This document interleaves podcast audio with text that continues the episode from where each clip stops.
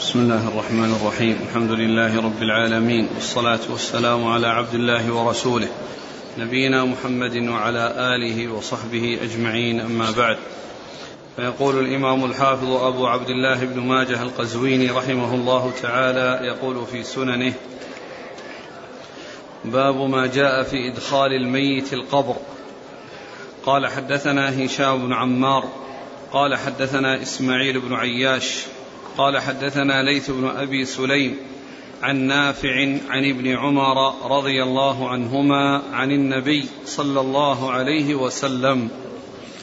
حا قال وحدثنا عبد الله بن سعيد قال حدثنا أبو خالد الأحمر قال حدثنا الحجاج عن نافع عن ابن عمر رضي الله عنهما أنه قال كان النبي صلى الله عليه وعلى آله وسلم إذا أدخل الميت القبر قال بسم الله وعلى ملة رسول الله.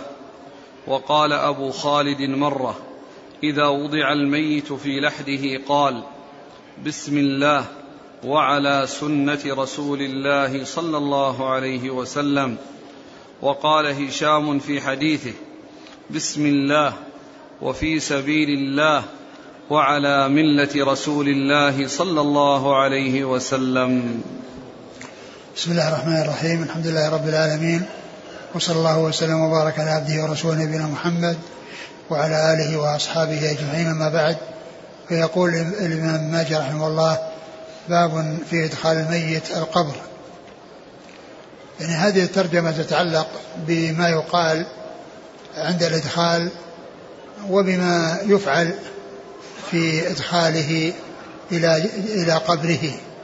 وذكر هذا الحديث عن ابن عمر فيما يقال عند إدخاله القبر وهو أنه يقال بسم الله وعلى ملة رسول الله صلى الله عليه وسلم وفي لفظ آخر بسم الله وعلى سنة رسول الله صلى الله عليه وسلم وهما بمعنى واحد. فهذا آه، آه، لفظ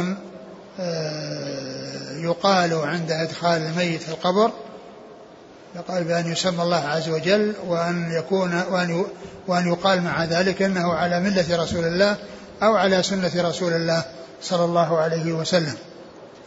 والحديث في يعني جاء من طريقين في كل منهما مقال ففي الطريق الأولى ليث بن أبي سليم والطريق الثاني فيها الحجاج بن أرطاه ولكن الحديث ثابت لأنه يعني جاء من هذا الطريقين ويقوي بعضهما بعضا وجاء من طريق أخرى يعني صحيحة غير هذه آه، الطريقين. فيكون الحديث بذلك أو السنة بذلك ثابتة عن رسول الله عليه الصلاة والسلام. نعم. قال حدثنا هشام بن عمار. صدوق خرجه البخاري وأصحاب السنن عن إسماعيل بن عياش. وهو؟ صدوق في رواية عن أهل بلده مخلط في غيره مخرجه نعم. البخاري. نعم. في رفع اليدين وفي أصحاب السنن. نعم. عن ليث بن أبي سليم وهو صدوق اختلط جدا ولم يتميز فترك أخرج نعم. البخاري تعليقا ومسلم وأصحاب السنن. نعم. عن نافع. نافع مولى بن عمر ثقة أخرج أصحاب الكتب. عن عبد الله بن عمر رضي الله عنهما واحد العبادلة الأربعة من الصحابة وأحد السبعة المكثرين من حديث الرسول صلى الله عليه وسلم. إسماعيل اسماعيل بن عياش نعم. صدوق في رواية عن البلد. ليث بن أبي سليم. نعم. منهم؟ نعم. منهم؟ لا ليث بن أبي سليم حمصي. حمصي نعم. وهو من شامي من بلده من أهل لكن هو نفسه نفس. ليث بن أبي سليم هو يعني اختلط ولم يتميز فترك حديثه.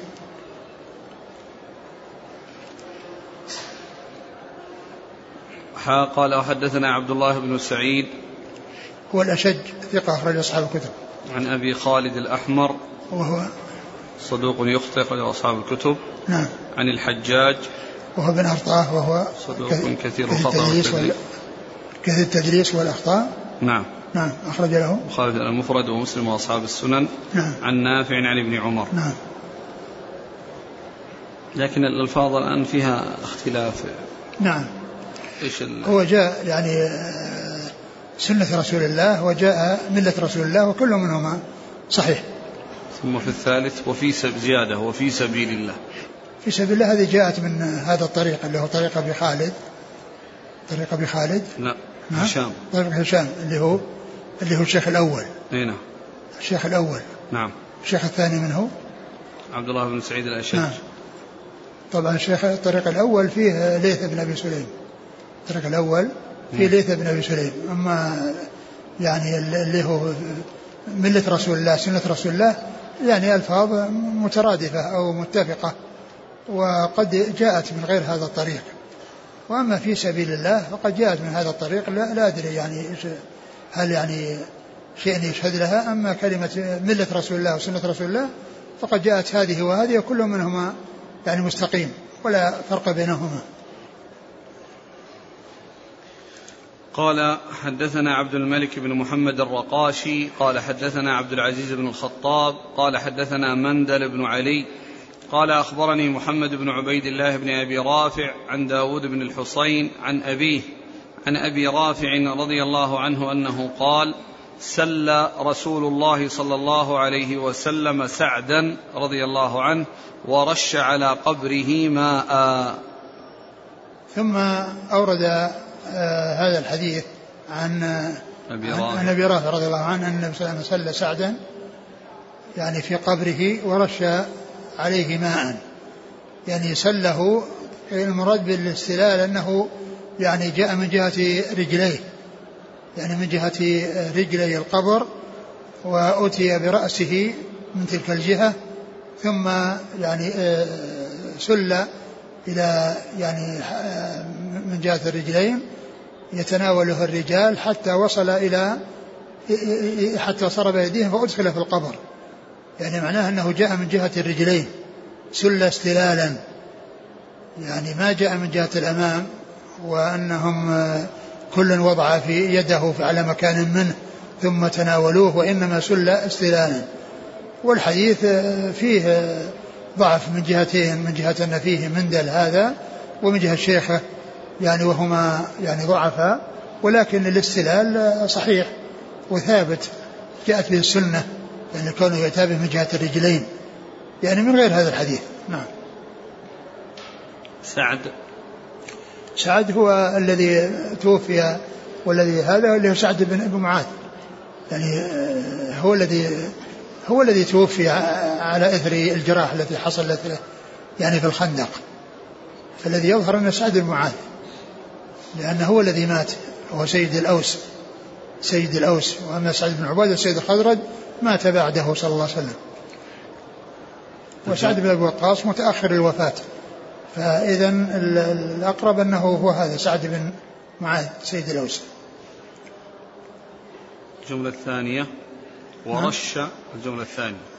رش هذه آه، جاءت من هذا الطريق اللي ضعيف ولا أعرف يعني شيء يعني عن عن ثبوتها ولكن المقصود بالرش هو يعني أن يلتبد التراب يعني بحيث أنه يعني يتماسك بحيث لا يطير به الهواء. ف ما أعرف يعني ثبوته يعني لكن هذه هو الحكمة. ليس المقصود منه شيء آخر يعني أنه تبريد على الميت أو ما إلى ذلك لا وإنما المقصود به أن يسكن التراب ويتماسك بحيث لا يطير به الهواء. نعم. قال حدثنا عبد الملك بن محمد الرقاشي. هو؟ صدوق يخطئ أخرج له ابن ماجه. نعم. عن عبد العزيز بن الخطاب. وهو صدوق أخرجه ابن ماجه. والنسائي في الخصائص خصائص علي. نعم. عن مندل بن علي. وهو ضعيف. أخرج له أبو داود بن ماجه. نعم. عن محمد بن عبيد الله بن أبي رافع. وهو متروك. ضعيف. ضعيف ولا متروك؟ ضعيف. نعم. أخرج له ابن ماجه. نعم. عن داود بن الحصين. وهو؟ ثقة أخرج أصحاب الكتب. نعم. عن أبيه. وهو؟ لين الحديث. أخرج نعم. له ابن ماجه. نعم. عن أبي رافع. رضي الله عنه أخرج له. أصحاب الكتب. نعم. قال حدثنا هارون بن إسحاق قال حدثنا المحاربي عن عمرو بن قيس عن عطية عن أبي سعيد رضي الله عنه أن رسول الله صلى الله عليه وسلم أخذ من قبل القبلة واستقبل استقبالا واستل استلالا. ثم ذكر هذا الحديث عن أبي سعيد أن النبي صلى الله عليه وسلم أخذ يعني عندما أرادوا دفنه أخذ من جهة القبلة. يعني أنه كان يعني ممدودا من جهة القبلة ثم تناولوه وأنزلوه في قبره. يعني ما جاء يعني من جهة من جهة الرجلين. و آه، وفي آخر قال واستل استلالا. والاستلال يعني يخالف هذه الطريقة التي هي كونه أخذ من جهة القبلة لأن الاستلال هو أن يأتي من جهة الرجلين. وكونه يأتي من جهة القبلة يعني هذا غير الاستلال.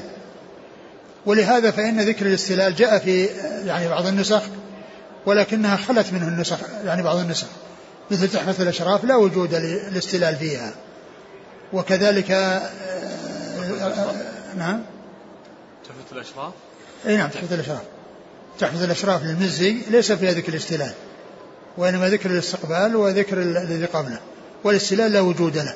وكذلك أيضا في نسخة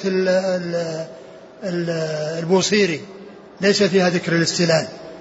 يعني مما يفيد أن, أن, أن, أن يعني غير يعني ذكره يعني هنا يعني في أن أنه يعني ليس موجودا في بعض النسخ. لا نسخة تحسين الإشراف للمزي ولا نسخة البوصيري الذي ابن ماجه. فتكون يعني معنى هذه الزيادة التي هي قد تتعا التي يظهر تعارضها مع كونه أخذ من جهة القبلة يعني معناها أن الجملة الثانية لا وجود لها في بعض النسخ. لا وجود لها يعني في بعض النسخ. فيكون آه، كونه أخذ من جهة القبلة آه، جاء في الحديث لكن في عطية العوفي. أقول في إسناده عطية العوفي فالحديث ضعيف. وأيضا قالوا أن أن أن أن أن, أن, أن قبره صلى الله عليه وسلم كان قريبا من الجدار. كان قريب من الجدار فيكون يعني فيه يعني آه، لا يتحقق معه ما ذكر في الحديث الضعيف هذا من جهة أنه كان معروضا في جهة القبلة وأنه أخذ ثم أدخل قبره. يعني فالذي يكون يناسب معه الاستلال نعم. الاعتماد على تحفة الأشراف في الألفاظ. المعلوم أن الحاء المزي في التحفة إنما يذكر الطرف الأول. يعني. بس ذكر حتى الاستقبال ذكر ذكر لأن هي الجملة الثانية. ها؟ يعني هو ذكر جملتين في أول الحديث كيف الآن؟ اي بس إنه كان يعني يكفي أنه يأتي جملة واحدة. لكن كونه أتى بالاثنتين ثم أيضا استل استلالا هي كلها كلمتين. يعني ما فيه اختصار يعني بحيث أن الحديث طويل. فكونه يعني ما جاءت يعني هذه الجملة في نسخته وما جاءت أيضا في نسخة البوصيري. نعم مما يفيد أنها ثم أيضا هي موضوعه بين قوسين عندكم في بعض أليس كذلك؟ الشيخ الألباني. نعم. نعم. الشيخ الألباني عليه نعم. تعليق مشهور. نعم.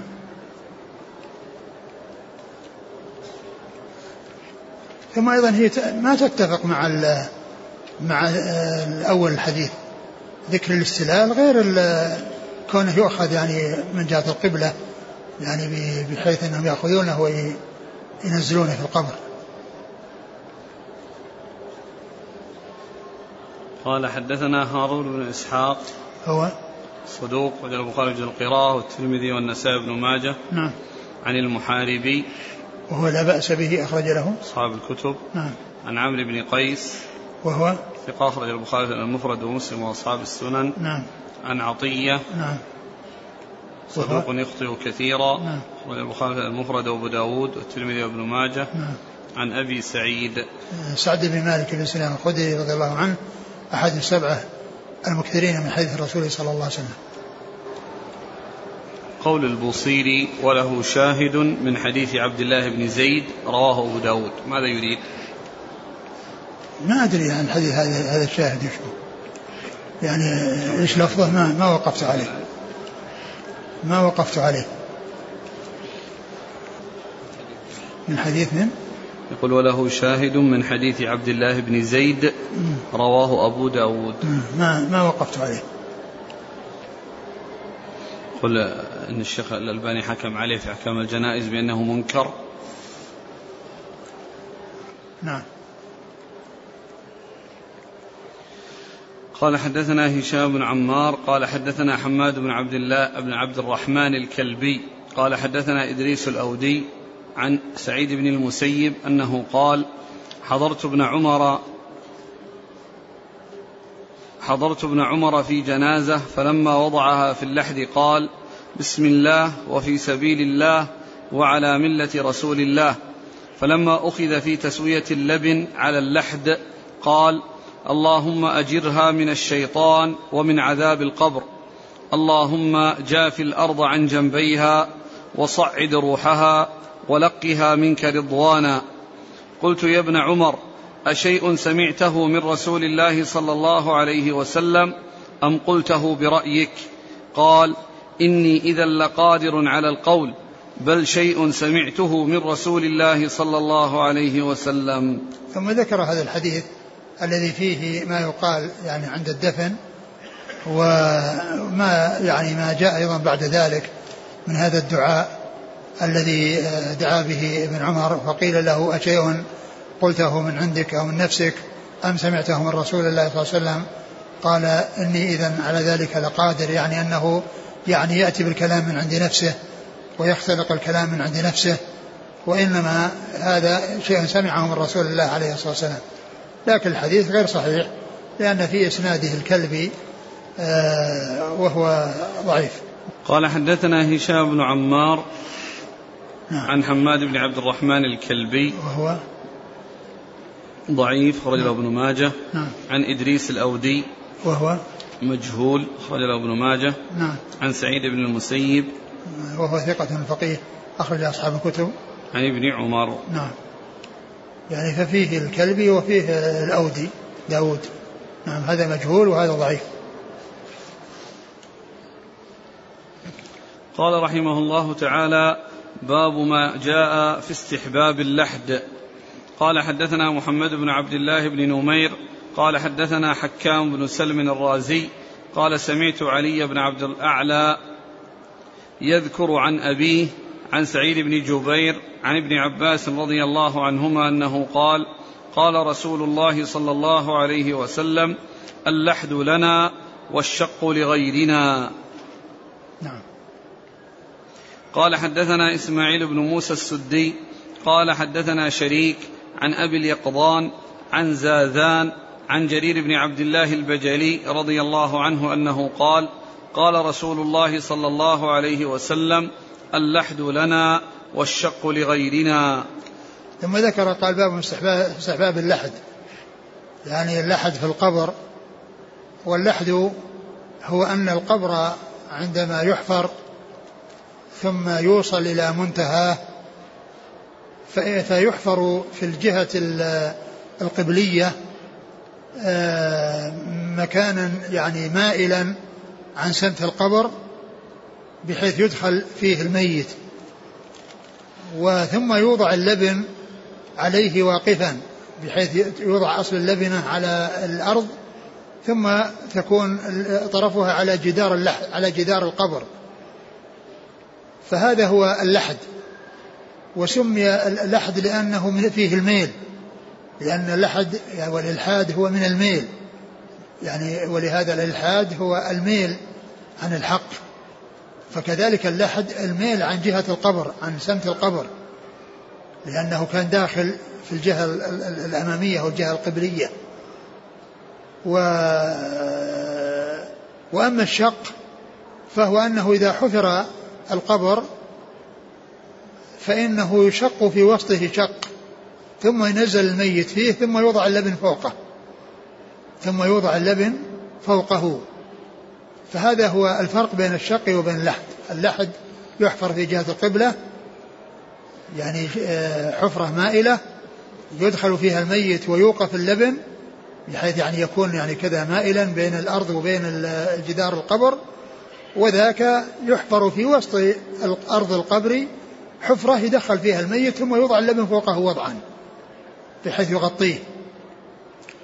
وكل منهما سائغ وجائز وجاءت به السنة ولكن اللحد هو الأولى لأنه هو الذي فعل بالرسول عليه الصلاة والسلام وهو الذي أوصى سعد بن أبي وقاص أن يفعل فيه وقال إنه كما فعل بالرسول عليه الصلاة والسلام. و وقد أجمع العلماء على صحة هذا وهذا وأن كل منهما حق وأن كل منهما معمول به في زمن الرسول صلى الله عليه وسلم وكذلك بعده ولكن اللحد أولى لأنه هو الذي فعل بالرسول عليه الصلاة والسلام وهو الذي اختاره الله لرسوله صلى الله عليه وسلم كما سيأتي في بعض الأحاديث. وقيل إن اللحد يكون أولى إذا كانت الأرض صلبة وأما إذا كانت رخوة وأنهم إذا حفروا في جانبها يعني يتساقط التراب فإنه يكون الشق أولى. يكون الشق أولى بحيث أنهم يحفرون في وسط القبر ثم ينزلون الميت فيه ويضعون اللبن فوقه. يعني وأما إذا كانت الأرض هذا إذا كانت الأرض تنهار فيها يحصل فيها انهيار لو حفروا من جهة اللحد. ولكن إذا أمكن آه، حصول اللحد آه، من غير ما يحصل انهيار لا شك أن هذا هو الأولى. فإذا كل منهما سائق ومجمع عليه ولكن اللحد هو الأولى. ثم ذكر هذا الحديث من طريقين. اللحد لنا والشق لغيرنا. اللحد لنا والشق لغيرنا. يعني هو قيل لغيرنا يعني في الأمم السابقة. ولكنه ليس معنى ذلك أنه آآ آآ لا نفعله. ولكن هذا من يعني ما كان موجودا في الأمم السابقة. وجاء الإسلام بإقراره وأجمعت الأمة على جوازه. واللحد هو, هو, هو الأولى وهو الذي فعل برسول الله عليه الصلاة والسلام واختاره الله عز وجل لنبيه كما سيأتي في حديث بعد هذا. نعم. قال حدثنا محمد بن عبد الله بن نمير ثقة رجل أصحاب الكتب. عن حكام بن سلم وهو؟ ثقة البخاري تعليقا ومسلم وأصحاب السنن. نعم.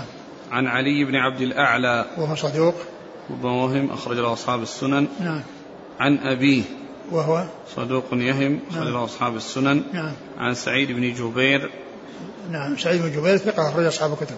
عن ابن عباس. عبد الله بن عباس بن عبد المطلب ابن عم النبي عليه الصلاة والسلام واحد السبعة المكثرين من حديثه. قال حدثنا إسماعيل بن موسى السدي. صدوق أخرج له؟ في خلق أفعال العباد وأبو داود والترمذي وابن ماجه. نعم. عن شريك. شريك بن عبد الله النخعي الكوفي صدوق أخرجه البخاري تعليقا ومسلم وأصحاب السنة. عن أبي اليقظان. وهو؟ ضعيف أخرج أبو داود والترمذي وابن ماجه. نعم. عن زاذان. وهو صدوق أخرج له؟ البخاري في الأدب المفرد ومسلم وأصحاب السنن. نعم. عن جرير بن عبد الله البجلي. رضي الله عنه أخرج أصحاب الكتب. والحديث في إسناده أبو اليقظان ولكنه يعني مثل الحديث الأول يعني مطابق له.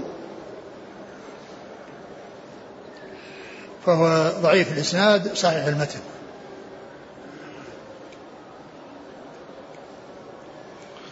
يقول ما مدى صحة الزيادة التي ذكرها الشارح عن الإمام أحمد والشق لأهل الكتاب؟ ما أدري يعني عن هذا لكن قيل المقصود بأهل الكتاب بغيرنا هم أهل الكتاب. وقيل المقصود من الأمم السابقة. وقيل المقصود بهم الأمم السابقة. ومعلوم أن أقرب الأمم السابقة هم أهل الكتاب. الأخ فهم من قوله اللحد لنا يعني لأهل المدينة. هل هذا المعنى صحيح؟ أظن قال قال ذلك أظن بعض الشرع الشارع هذا الشارع أظن ذكر شيء من هذا لكن ليس ليس خاصا بأهل المدينة وإنما هو المسلمين لا يقال هذا المدينة يمكن الذي قال يعني المدينة على اعتبار أن أرضها أنها صلبة وكذا وإلا فإن الحكم عام ليس خاصا بالمدينة وغير المدينة لأن الآن كل من الشق واللحد بإجماع المسلمين أنه سائق بإجماع المسلمين هو سائق. وقد حكى ذلك النووي. نعم. قال حدثنا محمد بن المثنى قال حدثنا أبو عامر قال حدثنا عبد الله بن جعفر الزهري عن إسماعيل بن محمد بن سعد عن عامر بن سعد عن سعد رضي الله عنه أنه قال ألحدوا لي لحدا وانصبوا علي اللبن نصبا كما فعل برسول الله صلى الله عليه وسلم. ثم ذكر حديث سعد بن وقاص رضي الله عنه. أنه أوصى بأن يلحد له وأن يكون قبره فيه لحد وأن ينصب عليه اللبن بمعنى أنه اللبن في, في اللحد ينصب نصب. وأما في الشق يوضع وضع يوضع وضع والميت تحته. وأما هذا يكون واقفا يعني مائلا أصله على طرف أرض القبر والطرف الثاني على جدار القبر. والطرف الثاني على جدار القبر. قال وانصبوا علي اللبن نصبا. يعني معناه أنه يكون منصوب يعني ما يكون يعني موضوعا وضع كما يكون في الشق ف... فسعد رضي الله عنه يخبر بأن هذا هو الذي فعل بالرسول صلى الله عليه وسلم وأنه يريد أن يفعل به ما فعل برسول الله صلى الله عليه وسلم. وفيه يعني ما يدل على استحباب الشق اللحد. نعم. قال حدثنا محمد بن المثنى. هو أبو موسى العنزي ثقة أخرجه أصحاب الكتب الستة وهو شيخ لأصحاب الكتب الستة. عن أبي عامر. وهو العقدي وهو ثقة أخرج أصحاب الكتب. نعم. عن عبد الله بن جعفر الزهري. وهو ليس به بأس. أخرج نعم. البخاري تعليقا ومسلم وأصحاب السنن. نعم. عن إسماعيل بن محمد بن سعد. وهو؟ ثقة أخرج أصحاب الكتب إلا أبا داود. نعم. عن عامر بن سعد. آه، بن أبي وقاص وهو؟ ثقة أخرج أصحاب الكتب. نعم. عن سعد. عن سعد رضي الله عنه أخرج أصحاب الكتب. وسعد رضي الله عنه هو أحد العشرة المبشرين بالجنة. والعشرة المبشرون بالجنة كلهم أخرج لهم أصحاب الكتب الستة. أحاديثهم موجودة في الكتب الستة العشرة المبشرون بالجنة. يقول السائل في بلدي لا يسمح بدفن الميت إلا في التابوت الصندوق وهذا يشمل المسلم وغير المسلمين فما العمل؟ الواجب يعني أنه لا يدفن بتابوت يعني لا يجوز أن يدفن بتابوت لأن هذا ما جاء به الإسلام وإذا كان والمسلمون عليهم أن يسعوا إلى أن يكونوا على الطريقة المشروعة. لكن إذا كانوا ألزموا بهذا ولا يتمكنون إلا من هذا يعني ليس لهم إلا التنفيذ. إذا كان ما يستطيعون خلافه ولا يتمكنون من خلافه لكن الواجب عليهم أن يسعوا إلى أن يتخلصوا من هذا الشيء أو الإلزام بشيء يعني خلاف ما جاءت به السنة. نعم. لكن بهذه الحالة هل يمكن أن يعملوا بهذه السنة اللحد؟ يعني يدخلون الميت بصندوقه لا لا في في الغالب هو يمكن إذا منهم وسعوا اللحد هذا من جهة لأن التابوت هو صندوق فإذا حفروا يعني من جهة القبلة يعني حفرا واسع يدخل فيه يمكن. لكنه ما ما يقال إن, إن يعني أقول يعني كونه يصير في تابوت هذا ما ما ما له أصل في الدين.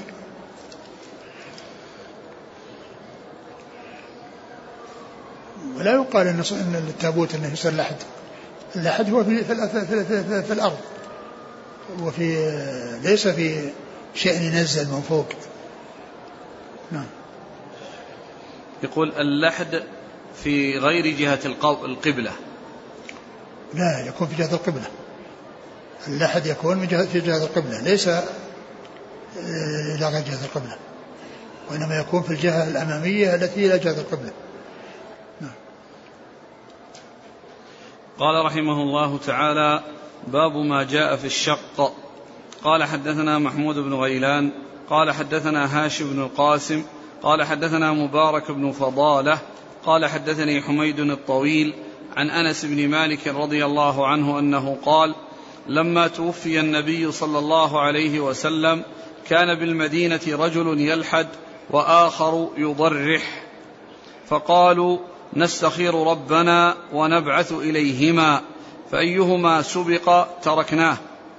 فأرسل إليهما فسبق صاحب اللحد فلحدوا للنبي صلى الله عليه وسلم.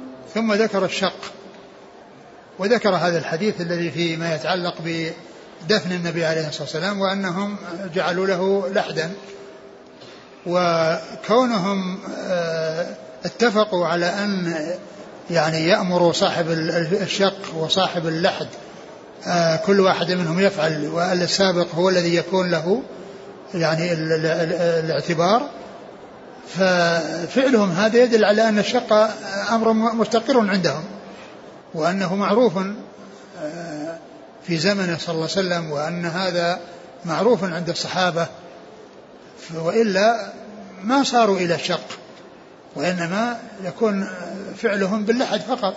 ولكنهم لما كان هذا سائغ وهذا سائغ وأرادوا أن يختاروا للنبي صلى الله عليه وسلم أي الاثنين أولى آه، آه، أرسلوا إلى من كان يحفر ويشق ومن كان يحفر ويلحد.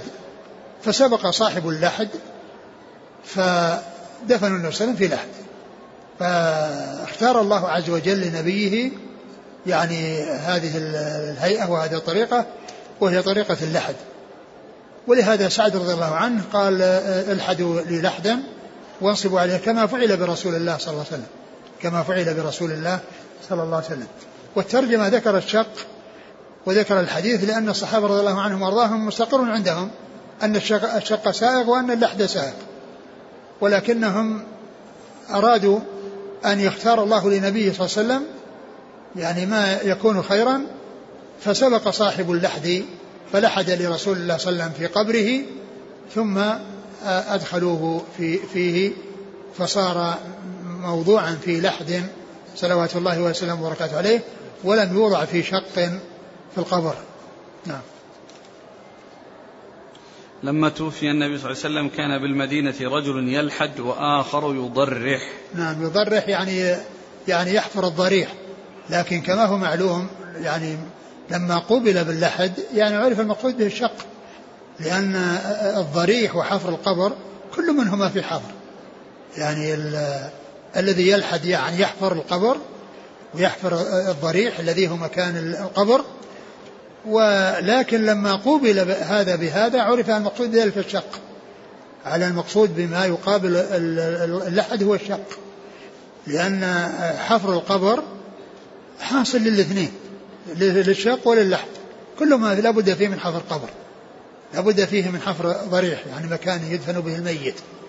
لكن الفرق بين يعني بين الحالتين إما أن يلحد وإما يشق. فلما ذكر اللحد وصار مقابله الشق. لأن كل منهما فيه حفر حفر للقبر. وإنما الفرق في أرضية القبر. هل يلحد إلى جهة القبلة ويوضع الميت؟ أو أنه لا يلحد إلى جهة القبلة ويشق شقا في الأرض ويوضع الميت فيه ويوضع اللبن فوقه وضعا. ولا ينصب نصبا لأنه يعني في وسط القبر فأدخل فيه فجعل اللبن فوقه. نعم. فقالوا نستخير ربنا ونبعث إليهما. يعني نستخير ربنا بأن يختار يعني ما فيه الخيرة. فبعثوا إلى الاثنين الذي يحصل منه الشاق والذي يحصل منه اللحد. فسبق صاحب اللحد. نعم. قال حدثنا محمود بن غيلان ثقة أخرج أصحاب الكتب إلا أبا داود. عن هاشم بن القاسم وهو ثقة أخرج له. أصحاب الكتب. نعم. عن مبارك بن فضالة وهو صدوق البخاري تعليقا وأبو داود والترمذي وابن ماجه. نعم. عن حميد الطويل هو حميد بن أبي حميد الطويل ثقة أخرج أصحاب الكتب. عن أنس بن مالك. رضي الله عنه خادم الرسول عليه الصلاة والسلام واحد السبعة المكثرين من حديثه. قال حدثنا عمر بن شبه بن عبيدة بن زيد. قال حدثنا عبيد بن طفيل المقرئ. قال حدثنا عبد الرحمن بن أبي مليكة القرشي. قال حدثنا ابن أبي مليكة عن عائشة رضي الله عنها أنها قالت لما مات رسول الله صلى الله عليه وسلم اختلفوا في اللحد والشق حتى تكلموا في ذلك وارتفعت أصواتهم. فقال عمر رضي الله عنه لا تصخبوا عند رسول الله صلى الله عليه وسلم حيا ولا ميتا أو كلمة نحوها. فأرسلوا إلى الشقاق واللاحد جميعا. فجاء اللاحد فلحد لرسول الله صلى الله عليه وسلم ثم دفن صلى الله عليه وسلم. ثم ذكر حديث عائشة رضي الله عنها وهو بمعنى الحديث السابق. بمعنى الحديث السابق الذي قبل هذا لأن يعني أرسلوا إلى هذا وإلى هذا ولكن سبق اللاحد كما جاء في الحديث السابق. فدفن النبي صلى الله عليه وسلم في لحد. نعم. قال حدثنا عمر بن شبة بن عبيدة صدوق أخرج له. ابن ماجه نعم. عن عبيد بن طفيل وهو؟ مجهول أخرجه ابن ماجه. نعم. عن عبد الرحمن بن أبي مليكة وهو؟ ضعيف أخرجه الترمذي وابن ماجه. نعم. عن ابن أبي مليكة وهو؟ ثقة. عبد, عبد الله. عبد الله بن عبيد الله ثقة أخرج أصحاب الكتب. عن عائشة. أم المؤمنين رضي الله عنها الصديقة بنت الصديق. وهي من أكثر رواية عن رسول الله عليه الصلاة والسلام. والحديث في إسناده ضعف ولكنه مطابق للحديث الذي قبله. فمتنه صحيح هل يستفاد من هذا أن الصحابة رضي الله عنهم ما كان كلهم يعلم بالحديث اللحد لنا فحصل هذا الاختلاف في إذ لو أن لا بس يعني كونهم يعلمون كلهم طبعا بعضهم يعلم الذي روى الحديث يعلم. لكن كل كل من الاثنين عندهم يعني معلوم أنه سائر يعني ومعمول به. فارادوا أن يستخيروا الله عز وجل فيما يختار لنبيه من هذا أو هذا. يعني فكونهم يفعلون هذا الفعل يعني آه، يدل على ثبوت الاثنين عندهم وأن هذا أمر مستقر ولكنهم أرادوا أن يختار للنبي صلى الله عليه وسلم ما هو الأفضل وما هو الأولى. فصار الاختيار هو أن سبق اللاحد فدفن النبي صلى الله عليه وسلم في في في لحد. نعم. ويمكن أن يكون عند المحاورة أن الذي الذي روى الحديث اللي عنده علم بالحديث ما كان موجودا. نعم. وهذا وهذا يكون لأن آه، كما جاء في قصة آه، الطاعون الذي حصل في, في, في الشام وعمر رضي الله عنه وأرضاه ذهب إلى الشام. فلقيه أبو عبيدة وأمراء الأجناد وقال قيل له أن الطاعون وقع في الشام فالصحابة رضي الله عنهم وأرضاهم معه واختلفوا فمنهم من قال ادخل ولا تفر من قدر الله ومنهم من قال ارجع ولا تعرض الصحابة للموت بسبب هذا الوباء فهو رضي الله عنه استشار المهاجرين واستشار الأنصار واستشار مسلمة الفتح فلما صاروا يعني عندهم الاختلاف أحد يقول افعل كذا وأحد يقول ارجع اختار أن يرجع. اختار أن يرجع. وكان أبو عبيدة رضي الله عنه ممن يرى أن لا يرجع. فقال له تفر من قدر الله يا أمير المؤمنين؟ قال له غيره فقال يا أبو عبيدة يا أبا عبيدة نفر من قدر الله إلى قدر الله. كان عبد الرحمن بن عوف رضي الله عنه موجود معهم في في, في, في ذلك المكان ولكنه ذهب للحاجة. فلما جاء وبلغه ما حصل قال عندي علم فيها عن رسول الله صلى الله عليه وسلم. عندي علم فيها عن رسول الله عليه الصلاة والسلام. قال عليه الصلاة والسلام إذا وقع الطاعون وأنتم في بلد فلا تخرجوا فرارا منه وإذا وقع فلا تدخلوا عليه. فكان آه هذا الذي حصل من عمر رضي الله عنه موافقة للحق وهذا من الحق الذي جرى على لسانه. وكان موفقا وكان ملهما كما جاء في الحديث قد كان في الأمم من قبلكم محدثون وإن يكن في أمتي أحد فإنه عمر.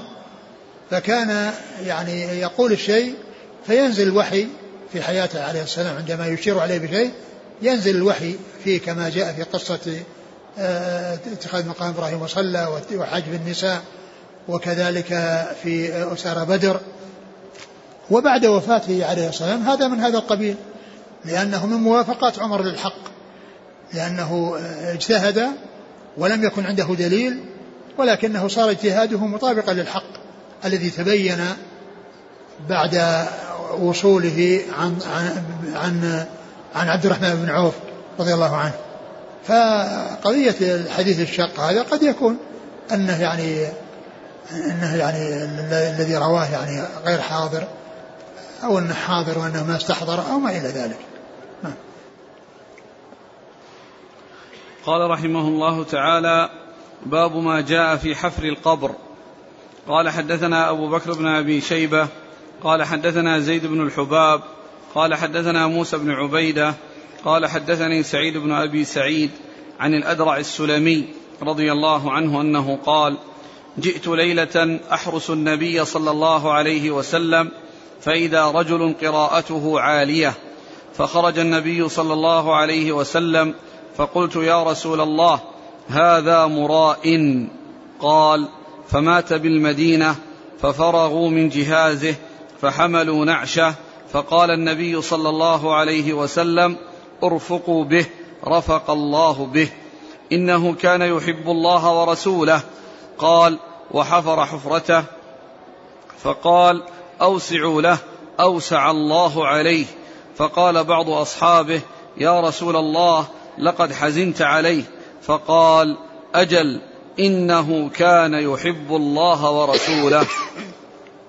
ثم ذكر حفر القبر وذكر في هذا الحديث عن الأدرع السلمي وفيه أن أن أن أن أنه جاء إلى النبي عليه الصلاة والسلام وكان رجل يقرأ عالي الصوت فقال إنه مرائي فالرسول صلى الله عليه وسلم أعرض عن إجابته عن يعني هذا عن عن كلامه الذي قاله وتوفي ذلك الرجل والرجل والرسول صلى الله عليه وسلم ذكره بخير وأثنى عليه وقال أوسعوا له أوسع الله عليه وذكر يعني شيئا يعني مما يدل على فضله.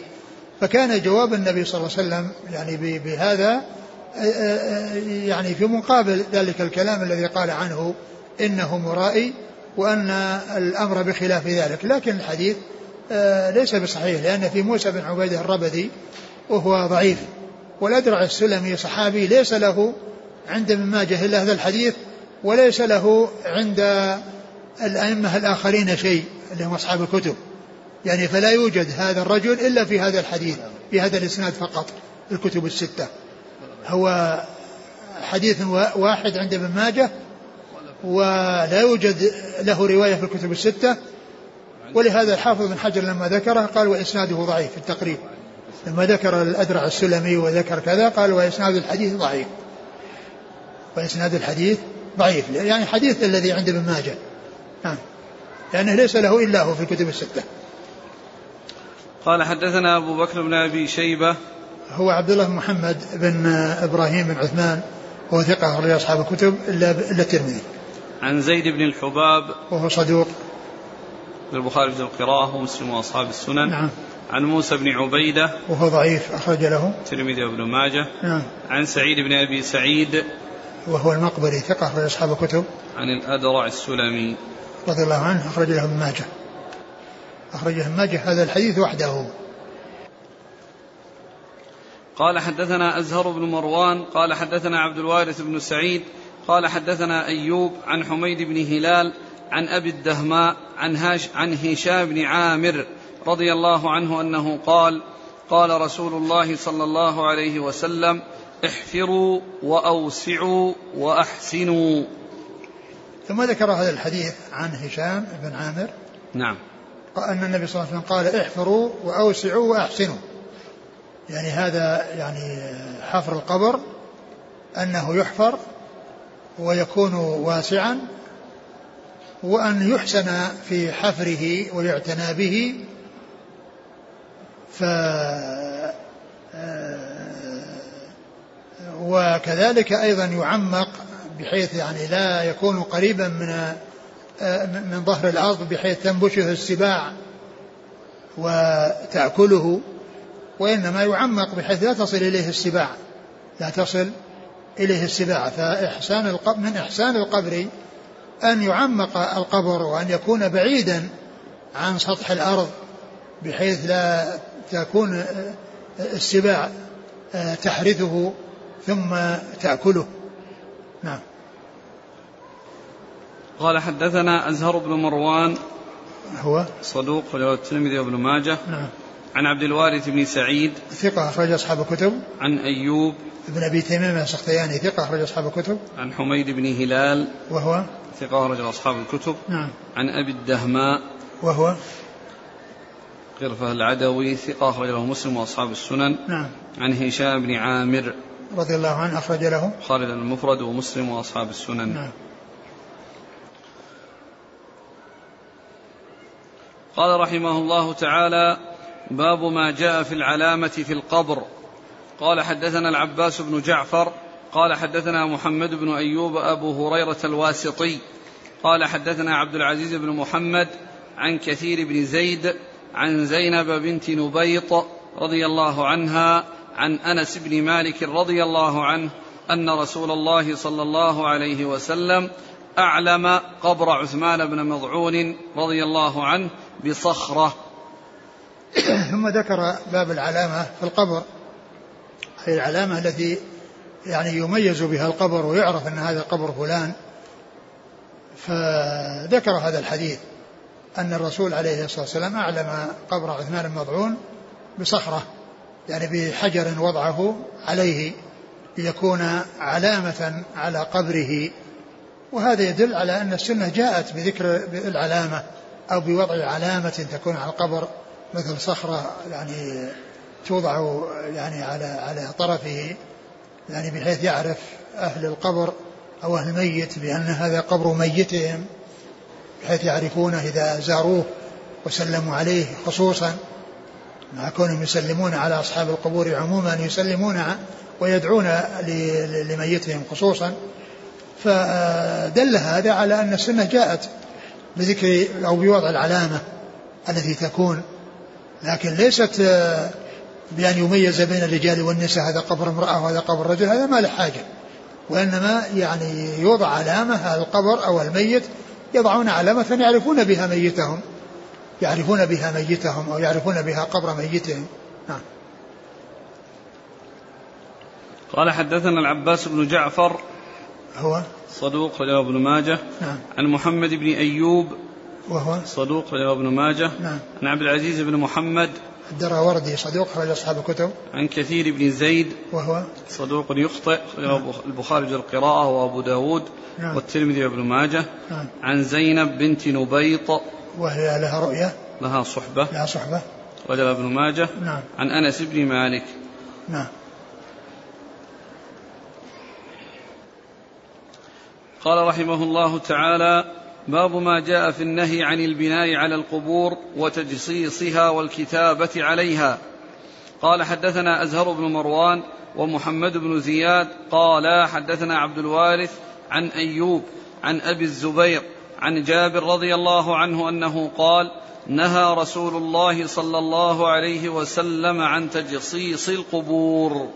ثم ذكر هذه الترجمة النهي عن تجصيص القبور. والبناء عليها والكتابة عليها. ثم ذكر هذا الحديث عن جابر رضي الله عنه أن النبي صلى الله عليه وسلم نهى أن يجصص. نهى صلى الله عليه وسلم عن تجصيص القبور. نهى عن تجصيص القبور. التجصيص هو وضع الجص.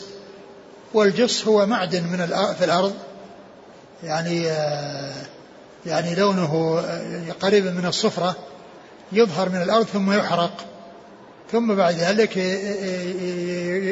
يعني يخلط به الماء فيكون يعني آه، شديد التماسك ويكون لونه أبيض ناصع البياض. ف آه، كانوا يعني فيما مضى وإلى عهد قريب يستعملونه في الجدران. يعني عندما يعني يكون مثل أزقة ضيقة ولو وضعوا ميزابا يعني فإنه يصب على رؤوس الناس إذا جاء السيل فكانوا يعني يشقون في الجدار الطين من السطح إلى الأرض شق ويعملون الجص هذا عليه بحيث أنه يعني ما يؤثر فيه الماء ما يدخل الماء يعني يؤثر عليه فينزل الماء من السطح وهو يعني مع هذا الشق الذي بالجدار حتى يصل إلى الأرض لأنه متماسك يعني مثل الإسمنت. يعني يمنع وصول وصول الماء إلى إلى إلى إلى, إلى ما وراءه. فكانوا يستخرجونه من من الأرض ويحرقونه ثم يستعملونه ويستعمل للزينة. كان يعني يضعون فيه يعني أشياء زينة يعني يضعونها في البيوت يعني من هذا الجص. فهذا هو الجص. ويقال له جص تجصيص وقال تقصيص. يقال له يعني جص ويقال له قص. يعني جاء هذا وجاء هذا. نعم. قال حدثنا أزهر بن مروان ومحمد بن زياد. محمد بن زياد صدوق أخرج له. خالد وابن ماجه. نعم. عن عبد الوارث. نعم بن سعيد ثقة أخرج أصحاب الكتب. عن أيوب عن أبي الزبير. محمد بن مسلم بن تدر الصدوق أخرج أصحاب الكتب. عن جابر. جابر بن عبد الله الأنصاري رضي الله عنهما أحد السبعة المكثرين من حديث الرسول صلى الله عليه وسلم. قال حدثنا عبد الله بن سعيد قال حدثنا حفص بن غياث عن ابن جريج عن سليمان بن موسى عن جابر رضي الله عنه أنه قال نهى رسول الله صلى الله عليه وسلم أن يكتب على القبر شيء. ثم ذكر هذا الحديث عن جابر أن النبي صلى الله عليه وسلم نهى أن يكتب على القبر شيء.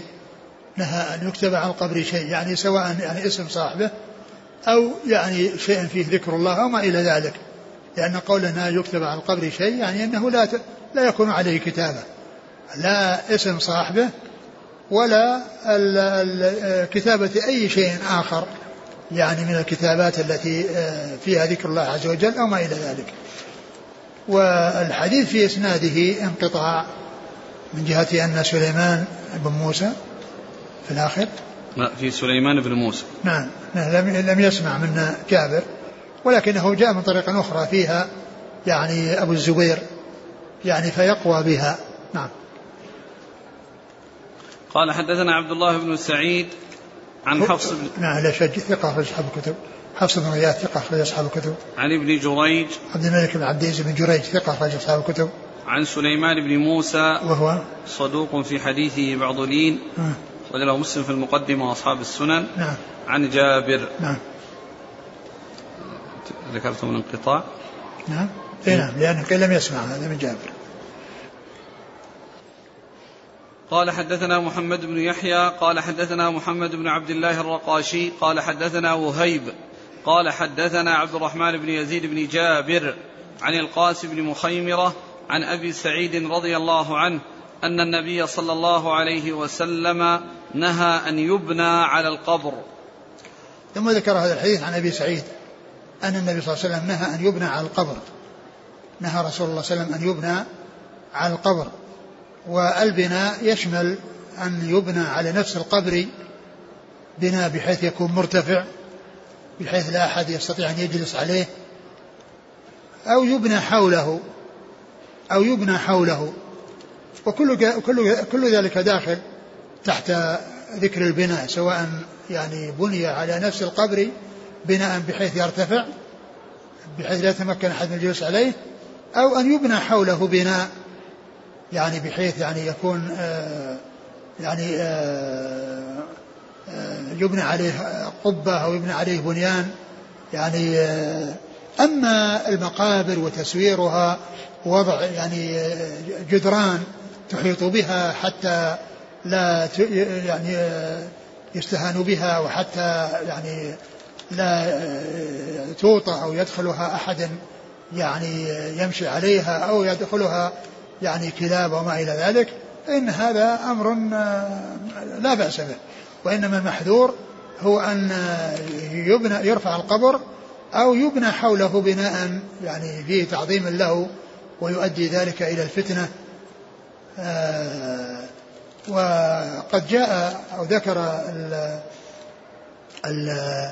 الذهبي رحمه الله في ترجمة باللهيعة من كتابه يسير أعلام النبلاء أن الرسول عليه الصلاة والسلام أن من خصائص الرسول عليه الصلاة والسلام دفنه في البنيان وأنه لا يجوز أن يحتج أحد بكون النبي دفن في بنيان أن يبنى على القبور أو أو يدفن الموتى في بنيان لأن هذا من خصائصه صلى الله عليه وسلم وأنه دفن حيث حيث مات وقد جاء أن الأنبياء يدفنون حيث يموتون فكان هذا من خصائصه صلوات الله وسلامه وبركاته عليه كما كان من خصائصه أنهم لم يصلوا عليه جماعة وإنما كل واحد يصلي عليه فيكون هو إمامهم عليه الصلاة والسلام حيا وميتا صلوات الله وسلامه وبركاته عليه. الحاصل أن البناء يعني يكون على نفس القبر ولهذا جاء في حديث أبي الهياج الأسدي قال ألا أبعثك؟ قال علي ألا أبعثك على ما بعثني عليه رسول الله صلى الله عليه وسلم ألا تدع قبرا مشرفا لا سويته. لا لا تدع تمثالا لطمسته ولا قبرا مشرفا إلا سويته. يعني فلا ترفع القبور ويبنى عليها ولا يبنى حولها ولا يبنى حولها. نعم. اللي يحصل يا شيخ في بعض الدول أن القبر عندهم بناء عبارة عن حجرة تحت الأرض. إيش حكم هذا الحجرة تحت الأرض؟ اي كله ما دام إنه محفور ما دام مبنيا بناء تحت الأرض أو مبني بناء فوق الأرض كله يقال له في بنيان. كله يقال في بنيان. هم يا شيخ يحتجون يقولون الأرض يعني إذا حفرنا فيها تسلل الماء تسرب الماء إلى الحفرة. هم يحفرون حفرة كبيرة ويحطون بها الغرفة تحت؟ ثم ينزلون بها الموتى يصفونهم. واحد تلو الثاني في الحجرة اللي تحت. حجتهم أنه ما يمكن الحفر. الماء يتسرب إلى هل لهم يعني هذه ضرورة يعني نفس إذا كان إن إذا كان إن الأرض عندهم هذا فيبحثوا عن أماكن أو أنهم آه، آه، يعني يردمون أرض بحيث يعني يرفعونها ويدكونها وتكون مرتفعة ويدفن الناس فيها. أما كونهم يبنون بنيانا تحت الأرض ثم يضعون الموتى فيه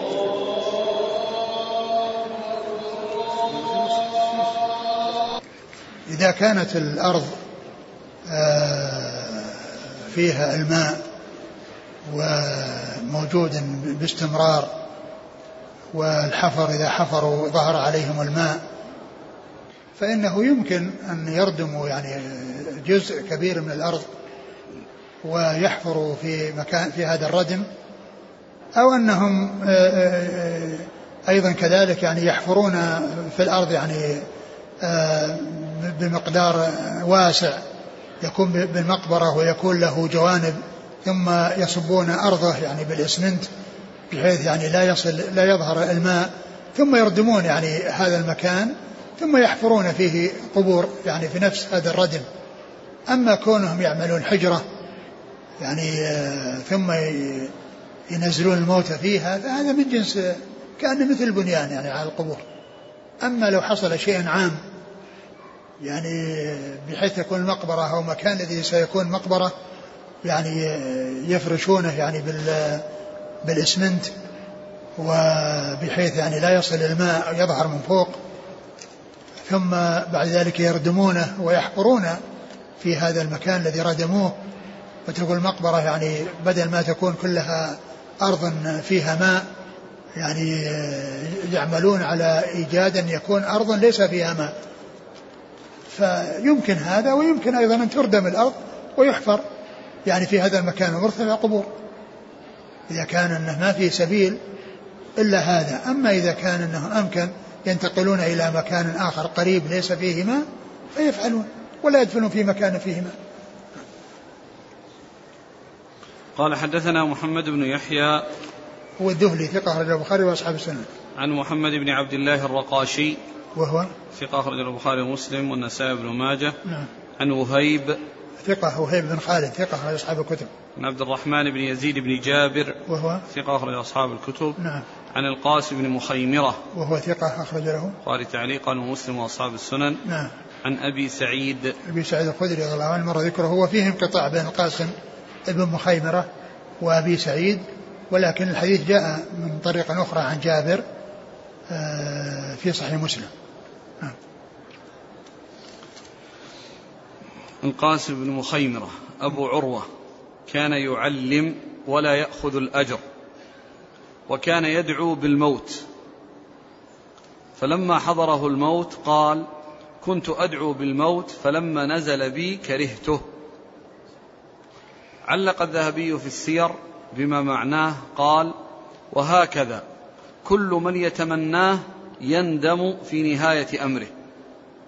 وجاء عن النبي صلى الله عليه وسلم قوله لا يتمنين أحدكم الموت. مات سنة مئة في زمن عمر بن عبد العزيز. آه، معلوم أن الرسول عليه الصلاة والسلام نهى عن تمني الموت وقد جاء عنه أنه قال الإنسان يقول اللهم أحيني إذا كانت الحياة خيرا لي وتوفني إذا كانت الوفاة خيرا لي. لأن هذا الدعاء دعاء بخير له في العاجل والآجل. فإن كان الحياة وبقاء فيها فيه خير له وفيه أعمال صالحة يأتي بها فيكون على خير. وإن توفاه الله عز وجل على خير فهو على خير. أما أن يسأل الموت هكذا لأمر نزل به أو لضر نزل به قد يكون الإنسان ينتقل من من شر إلى ما هو أشر منه.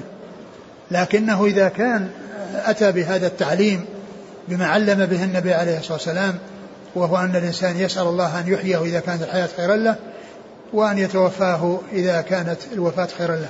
والحديث الذي في صحيح مسلم.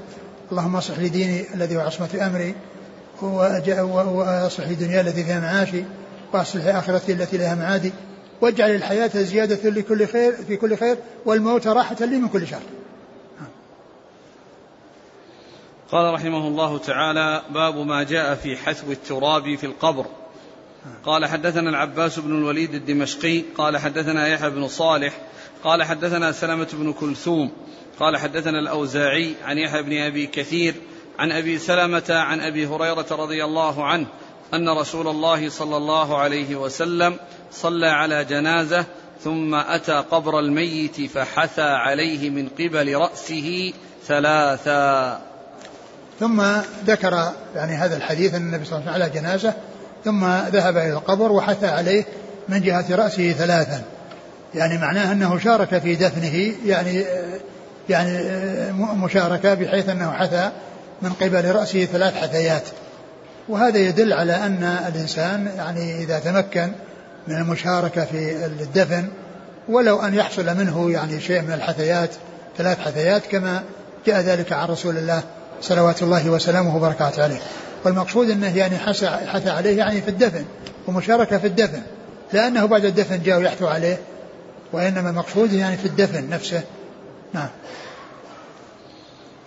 قال حدثنا العباس بن الوليد الدمشقي. هو؟ صدوق غير ابن ماجه نعم. عن يحيى بن صالح وهو؟ صدوق غير أصحاب الكتب إلا النسائي نعم. عن سلمة بن كلثوم وهو؟ صدوق غير ابن ماجه نعم. عن الأوزاعي. هو عبد الرحمن بن عمرو الأوزاعي ثقة أخرج أصحاب الكتب. عن يحيى بن أبي كثير. اليمامي وهو ثقة أخرج أصحاب الكتب. عن أبي سلمة. بن عبد الرحمن بن عوف وهو ثقة أخرج أصحاب الكتب. عن أبي هريرة. عبد الرحمن بن صار الدوسي رضي الله عنه وهو أكثر الصحابة حديثا. والله أعلم وصلى الله وسلم وبارك على عبده ورسوله نبينا محمد وعلى آله وأصحابه أجمعين.